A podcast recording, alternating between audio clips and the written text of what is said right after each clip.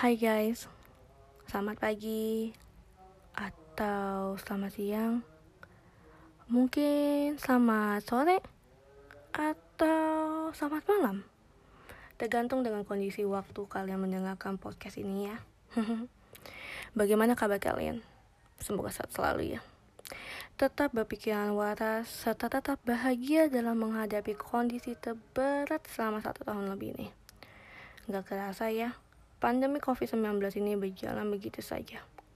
Pasti banyak banget rasa emosi bercampur tangis mengisi alur cerita pandemi ini.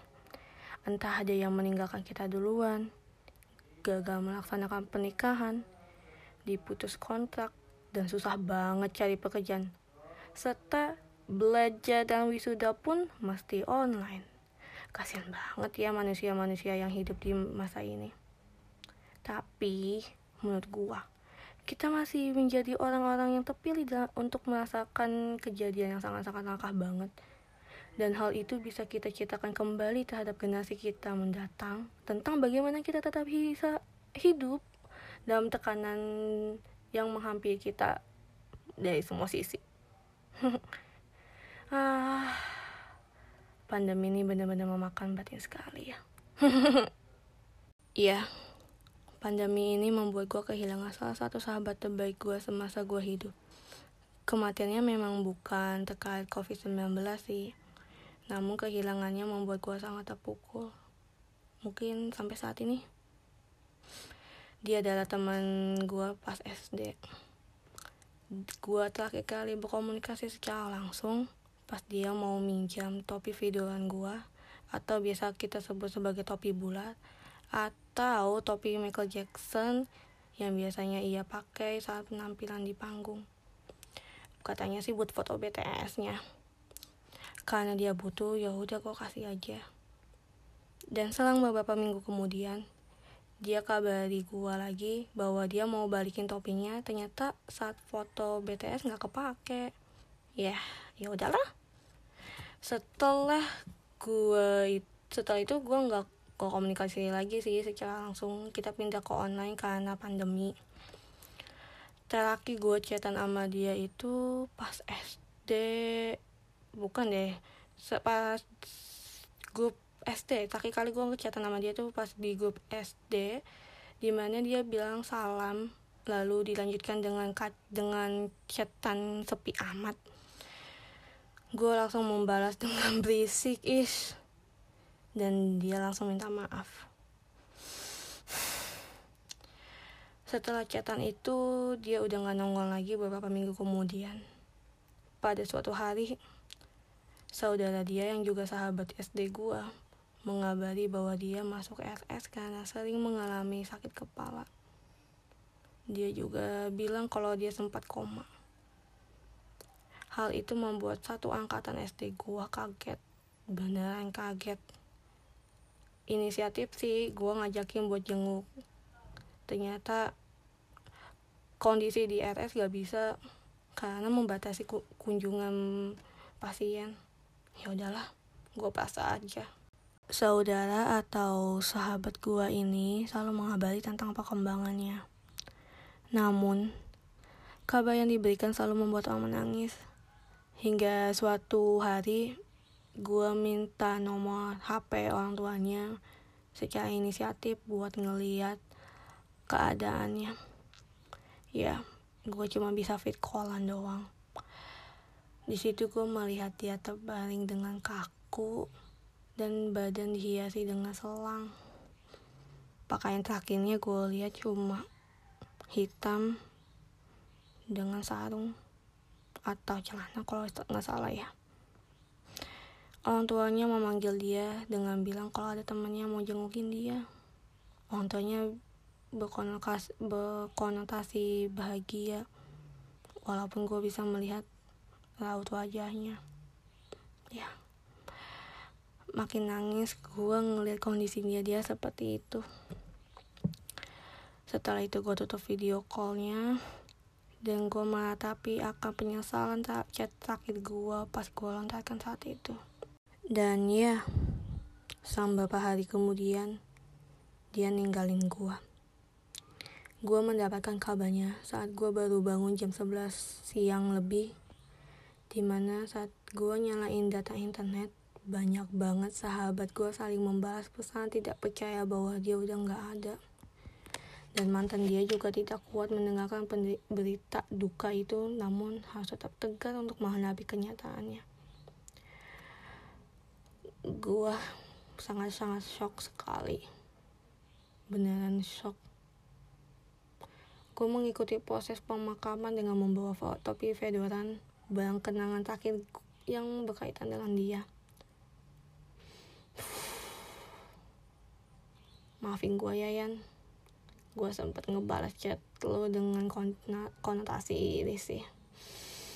Maafin gue ya gue nggak bisa ngeliat wajah lu terakhir kalinya sebelum lu dikafanin maaf banget dan berjalan dengan waktu gak kerasa juga pas tahun baru kemarin tahun 2021 awal dia berusia 19 tahun tapi nyatanya Tuhan mengambil tindakan yang mulia. Mengambil hambanya yang baik banget dan pantas untuk tidak merasakan kepedihan di dunia terlalu lama. Tuhan pasti sayang banget. Asli. Gue yakin itu. Dari hal itu, gue mendapatkan pelajaran untuk tetap baik terhadap semua orang. Mungkin dia mengecek sekedar basa-basi mengisi kebosanan dan kita tidak akan pernah tahu kelanjutan setelah ia melakukan hal itu kan. Dan yang terakhir tetap saling menjaga komunikasi terhadap semua orang yang pernah berhubungan sama kita. Walaupun terakhir kita komunikasi dengannya hanya sekadar minta bantuan aja atau sebaliknya. Agar kita tahu bagaimana kondisinya dan membuat orang yang kita tanyakan itu bahagia. Gue sangat-sangat bahagia banget kalau misalnya dia membalas dengan oh lu inget gua wow terima kasih ya gila itu magic word banget pernah gue chat random ke seseorang sekitar jam satu malam gitu.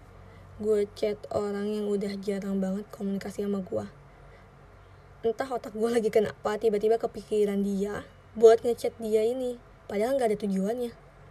But ya yeah, nggak masalah kok. Gue coba chat dengan memulai tanya kabarnya bagaimana dan perkembangan kehidupannya.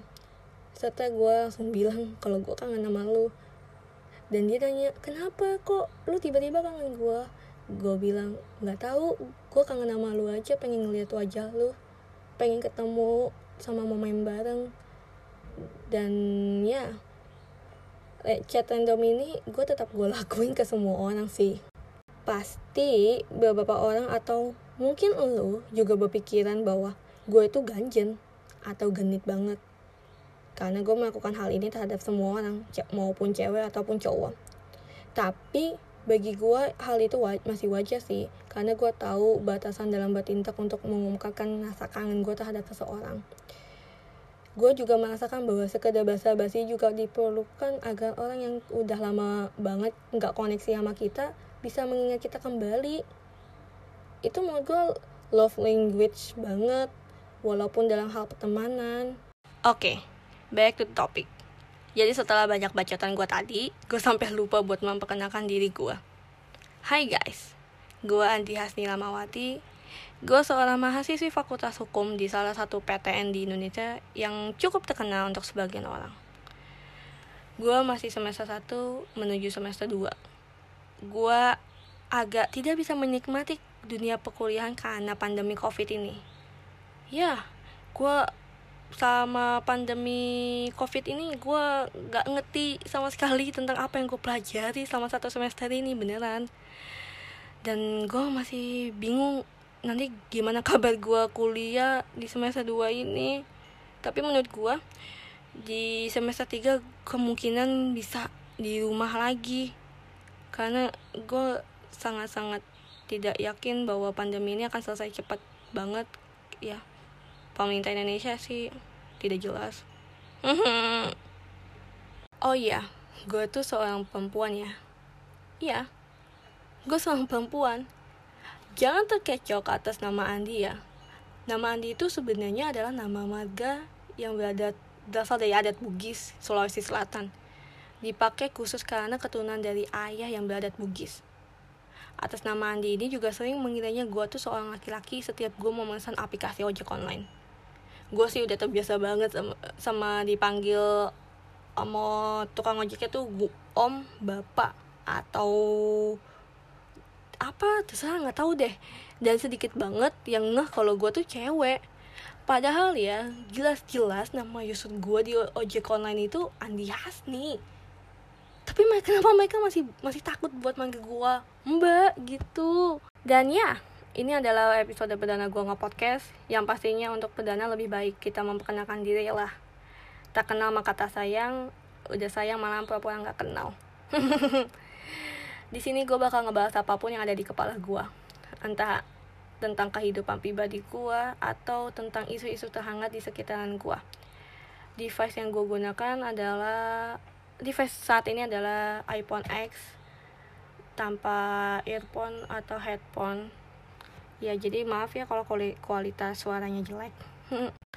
Seperti yang lo tahu, podcast gue bernama Percakapan Dini Hari. Alasan gue membeli nama itu karena satu gue suka syuting jam satuan ke atas karena gue malu kalau misalnya keluarga gue mendengarkan ide-ide di otak gue ya.